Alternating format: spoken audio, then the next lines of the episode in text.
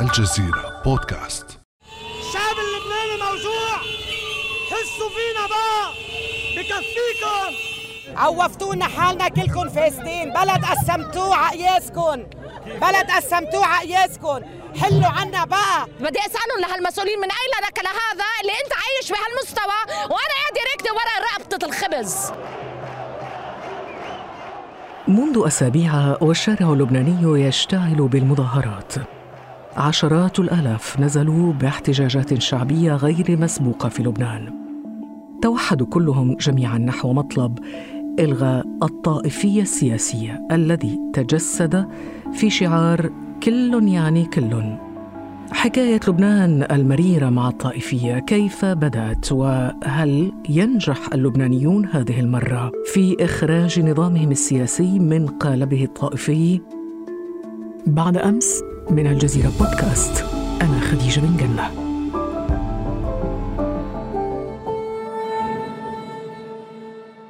أهلا وسهلا. نرحب بك دكتور شفيق شقير باحث في مركز الجزيرة للدراسات. أهلا بك. عودا حميدا. كنت في لبنان. صحيح شكرا لك. الحمد لله على السلامة. الله يسلمك. طيب آه، دكتور شفيق آه، بما أنك كنت في لبنان ولسه راجع فريش فحابين نعرف منك وخصوصا أنك نزلت إلى ساحات الاعتصام تحكي لنا شوية عن موضوع الطائفية الطائفية في, في لبنان. من أين بدأت حكاية الطائفية في لبنان؟ الطائفية في لبنان تاريخيا قديمة جدا وتعود آه، إلى جبل لبنان تحديدا حيث سكنت آه، أقليات متعددة منها مسيحية مارونية ودرزية وسواها. في أكثره هو سني ونتحدث هنا بالطبع عن الدولة العثمانية. وهناك أقليات أخرى أيضا قد تعتبر أقليات مثلا الأقلية الشيعية المسلمة فضلا عن طوائف كثيرة يمكن تعدادها. لما انتهت الدولة العثمانية وجاء الاستعمار الفرنسي إلى لبنان وتشكلت دولة لبنان الكبير لاحقا. استفادت من هذه الامتيازات لبناء نظام لبناني جديد تكون اليد العليا فيه للطائفة المارونية وهي ما سميت لاحقا بالحكم الماروني أو الطائفية المارونية كما كانت تسمى.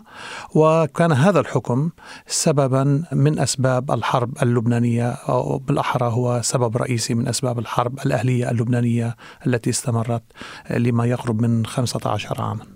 ومن بعدها اجتمع القادة أو أمراء الميليشيات التي كانت آنذاك وساهمت في الحرب واتفق هؤلاء نعم. الأمراء على اتفاق جديد في مدينة الطائف بالمملكة العربية السعودية في الثاني والعشرين من أكتوبر تشرين الأول من عام 1989 حدث هذا التحول الكبير في آلية الحكم في لبنان 62 نائبا لبنانيا يشهدون على توقيع وثيقة اتفاق الطائف بعد نحو ثلاثة أسابيع من المفاوضات. في هذا المؤتمر تقرر أن لبنان لجميع اللبنانيين وهو وطن نهائي لجميع أبنائه. وتقرر أن هذا الوطن هو بالتساوي بين جميع أبنائه. وبالفعل استطاع اتفاق الطائف أن ينتشل لبنان حينها من حرب أهلية طاحنة دامت 15 عاما وخلفت وراءها 150 ألف ضحية. اليوم هذا الاتفاق الذي يعد المرجع الذي يستند إليه اللبنانيون ويستمدون منه وفاقهم الوطني وسلمهم الأهلي يعود كما ذكرت دكتور شفيق يعود إلى الواجهة مرة أخرى بعد 30 عاما من اتفاق الطائف. طيب دكتور شفيق شقير ما علاقة هذا الاتفاق بما يحدث اليوم في الشارع اللبناني؟ لو أخذنا مثالا صغيرا يلخص التشوه الذي أصاب المجتمع اللبناني والاقتصاد اللبناني بسبب تكريس الطائفية في اتفاق الطائف. نذهب إلى مبدأ التوظيف.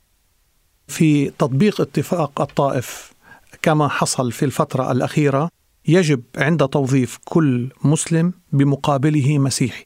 وعدد المسلمين أكثر من عدد المسيحيين وهناك بعض الوظائف هناك حاجة ماسة في بعض الوظائف إلى توظيف كفاءات فكان التوظيف يقف ويتوقف بسبب عدم وجود عدد كاف من المسيحيين يماثل المسلمين المتقدمين لهذه الوظيفة.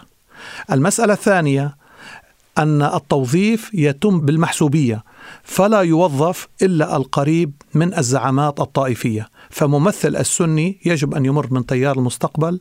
ممثل الشيعي آه، ال- الذي سيأتي الوظيفة الشيعية يجب أن يمر من حصة حركة أمل أو حزب الله. وهكذا دواليك. وهكذا دوليك في كل القطاعات في كل التعليم القطاعات. التوظيف قطاع نعم. الصحة كل القطاعات. نعم. مفترض بحسب اتفاق الطائف أن لا يكون المناصفة إلا في وظائف الفئة الأولى ولكن ما حصل فعلا من حيث التطبيق وبالذات بعد مجيء الرئيس عون إلى الحكم أن هناك تشددا كبيرا في التوظيف على أساس المناصفة المطلقة تقريبا في كل شيء. طيب اتفاق الطائف دكتور شفيق هل جاء ليحل مشكلة الطائفية أم أنه بالعكس كرس الطائفية؟ فلنعد للبدايات أن اتفاق الطائف جاء لكي يخفف الحدة الاحتقان بين المسيحيين والمسلمين. ولكن المسار السياسي مع بعض الطائف أدى إلى تكريس المذهبية إضافة إلى الطائفية التي كانت موجودة. هناك بعض البنود هناك بعض بنود اتفاق الطائف تطالب بأن ينتخب البرلمان اللبناني على أسس وطنية أن لا يكون هناك مناصفة واعتبر المناصفة بين المسلمين والمسيحيين مرحلة انتقالية ثم بعد ذلك ينتخب المجلس النيابي الجديد على أسس وطنية دون تمييز طائفي مع إنشاء مجلس شيوخ يعطي للطوائف حقها وله صلاحية البت في القضايا المصيرية التي تتصل بالطوائف فقط. طيب آلية الحكم أو خلينا نقول النظام السياسي الذي تولد عن هذا الاتفاق إلى أي مدى أضر بالحياة السياسية في لبنان؟ الحراك الحالي هو النتيجة النهائية لاتفاق الطائف. حيث ساهم اتفاق الطائف والتكريس الطائفية فيه إلى تشوه الاقتصاد اللبناني وإلى تفاوت طبقي خطير بين طبقات المجتمع اللبناني وجعل الحكم بيد فئة صغيرة الآن يطلق عليها اسم الطبقة أو الأحزاب الحاكمة في لبنان. هذه الأحزاب حكمت باسم الطوائف. طيب دكتور يعني هل هذا الحراك الذي يشهده الشارع اللبناني اليوم في جدار هذه الطائفية للتخلص منها وخلص يعني بلغ السيل الزبا؟ وكل يعني كل يعني هذا هذا شعار جامع وشامل هل يفتح فعلا املا أو نافذة للأمل للقضاء على الطائفية؟ هو يفتح نافذة للأمل ولكن علينا أيضا أن ننتظر الثورة كما اصطلح عليه في الثورات العربية التي اندلعت عام 2011 بالثورات المضادة. ولو ذهبنا إلى أسباب الحراك جوهرها تعود إلى ثلاث إلى الأزمة الاقتصادية التي نتجت عن اتفاق الطائف المشوه الثانية تطلع اللبنانيين إلى الديمقراطية وانتشار قيم الديمقراطية مؤخرا لأسباب كثيرة تتصل بتحولات في العالم. والمسألة الثالثة موضوع التوريث في الزعامات السياسية. معلش بس مثال حتى يفهم المستمع. قصة التوريث لأنها قد تبدو غريبة بالنسبة للمستمع غير اللبناني أنه كل زعيم طائفة يورث يعني أصبحنا أمام شيء يشبه الأنظمة الملكية و... نعم. لو ضربنا مثالا برفيق الحريري عندما قتل جاء من بعده ابنه سعد سعد الحريري. ولم يأتي رجل آخر من تيار المستقبل بناء على الكفاءة. فسعد الحريري تعلم أثناء تسلمه لولاية تيار المستقبل ولم يكن جاهزا من قبل. هناك حالة أخرى الآن حاضرة هو مثلا وليد جنبلاط النائب وليد جنبلاط يتزعم الحزب التقدم الاشتراكي الذي يمثل بحسب المصطلح اللبناني الطائفة الدرزية نعم. عين ابنه أو بالأحرى اختير ابنه كرئيس للحزب حزب التقدمي الاشتراكي وابنه تيمور عندما يطل على الإعلام الكل يعرف أنه ليس جاهزا حتى الآن لممارسة السياسة بل هو قال شيئا مثل هذا ولكن رغم ذلك هناك في الحزب إجماع على تعيينه كخلف لوالده وعلى أن يتدرب أثناء وجود الوالد. هذه الحالة تتكرر في معظم الأحزاب اللبنانية. طيب دكتور شفيق أيضا داخل نفس الحزب أو نفس الطائفة سنجد تفرعات أو أحيانا انقسامات يعني نتحدث عن مثلا حزب الله والأمل نتحدث عن آه، وليد جنبلاط وأرسلان هل هذا يعني يعد انقساما داخل الطائفة الواحدة ام أم ماذا؟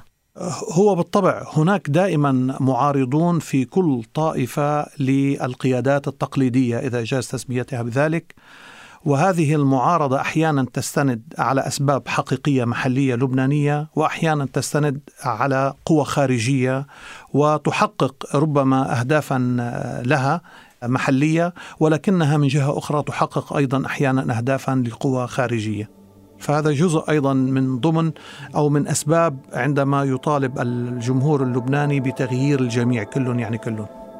وهذا الغضب الشعبي لا يزال قائما ضد النخبة الحاكمة القوى السياسية حاولت بخطاباتها التهدئة من جهة والتحذير من جهة أخرى وحتى اتهام جهات أجنبية بتمويل هذه الاحتجاجات. دكتور شفيق كيف يمكننا أن نفهم موقف القوى السياسية اللبنانية؟ هناك قوى مستفيدة من الوضع الحالي مثل حزب الله وحلفاء حزب الله هم مستفيدون من الوضع الحالي بسبب نتائج انتخابات عام 2018 لهم الأكثرية لذلك عندما يأتي الحراك ويأتي بمطالبه الأربعة أو الخمسة فستكون حتما ضدهم بالكامل يعني مثلا طالبوا باستقالة رئيس الحكومة وقد وقع طالبوا بحكومة جديدة تكنوقراط يعني لا تمثل أي من الأحزاب وبانتخابات أو على أن تكون حكومة مؤقتة ومن ثم بعد ذلك انتخابات جديدة على أسس جديدة تختلف عما جرت عليه في السابق. هذا يعني أن كل العملية السياسية التي جاءت عام 2018 وكرست قوة تحالف حزب الله أو قوة الثامن من انذار كما يسمونها كأنك تقول لهم أن كل ما حققتموه عليكم أن تتخلوا عنه لذلك يصعب على هذه القوى بالدرجة الأولى أن تلبي طلبات المحتجين وتفضل أن تلبي الطلبات المتعلقة بالاقتصاد لوحدها وفصلها عن أي مسار سياسي آخر. نتحدث عن الفساد المستشري في لبنان. المشكلة في الفساد أنه مرتبط أيضا بالامتيازات السياسية لأن كل حزب مشارك أو كل طائفة أو ممثل لطائفة مشارك في الحكم له امتيازات اقتصادية سواء في أجهزة الدولة أو حتى في المرفأ أو المطار ما يدخل آه، إلى الدولة. يعني زواج الطوائف أو الطائفية بالفساد خلق هذه الحالة التي نشاهدها اليوم في لبنان. بالضبط. لذلك مرة أخرى الحراك هو ضد الطائفية ليس لأنه درس الطائفية دراسة نظرية لكن لا بل احترق بنارها عانى منها ويدفع الآن آه، ثمن هذا النوع من الحكم آه، دكتور شفيق شقير بما أنك أنت كنت هناك هل شعرت في لحظة من اللحظات أو ما زلت تشعر الآن بأنه يمكن أن يشهد المواطن اللبناني أو أن تشهد أنت كمواطن لبناني في يوم من الأيام زوال هذه الطائفية هل تعتقد أنه في يوم من الأيام سيخلو لبنان من الطائفية؟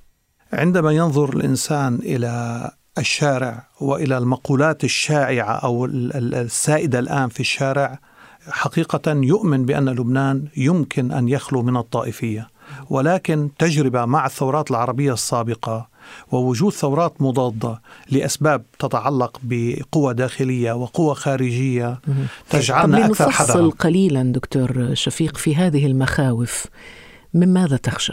ما أخشاه كمواطن لبناني وما يخشاه الناس آه هو مصالح الطبقة السياسية الحاكمة الآن الأحزاب الطائفية. وهنا دكتور شفيق يبدو الشارع أكثر وعيا من الطبقة السياسية بمخاطر الطائفية. صحيح جاء من وعيه بمصالحه وبتجربة نظام الطائف منذ العام 90 حتى اليوم وما تسببه من تشوهات للاقتصاد اللبناني وللمجتمع اللبناني ولعلاقة اللبنانيين مع بعضهم لا حتى علاقة اللبنانيين مع الخارج.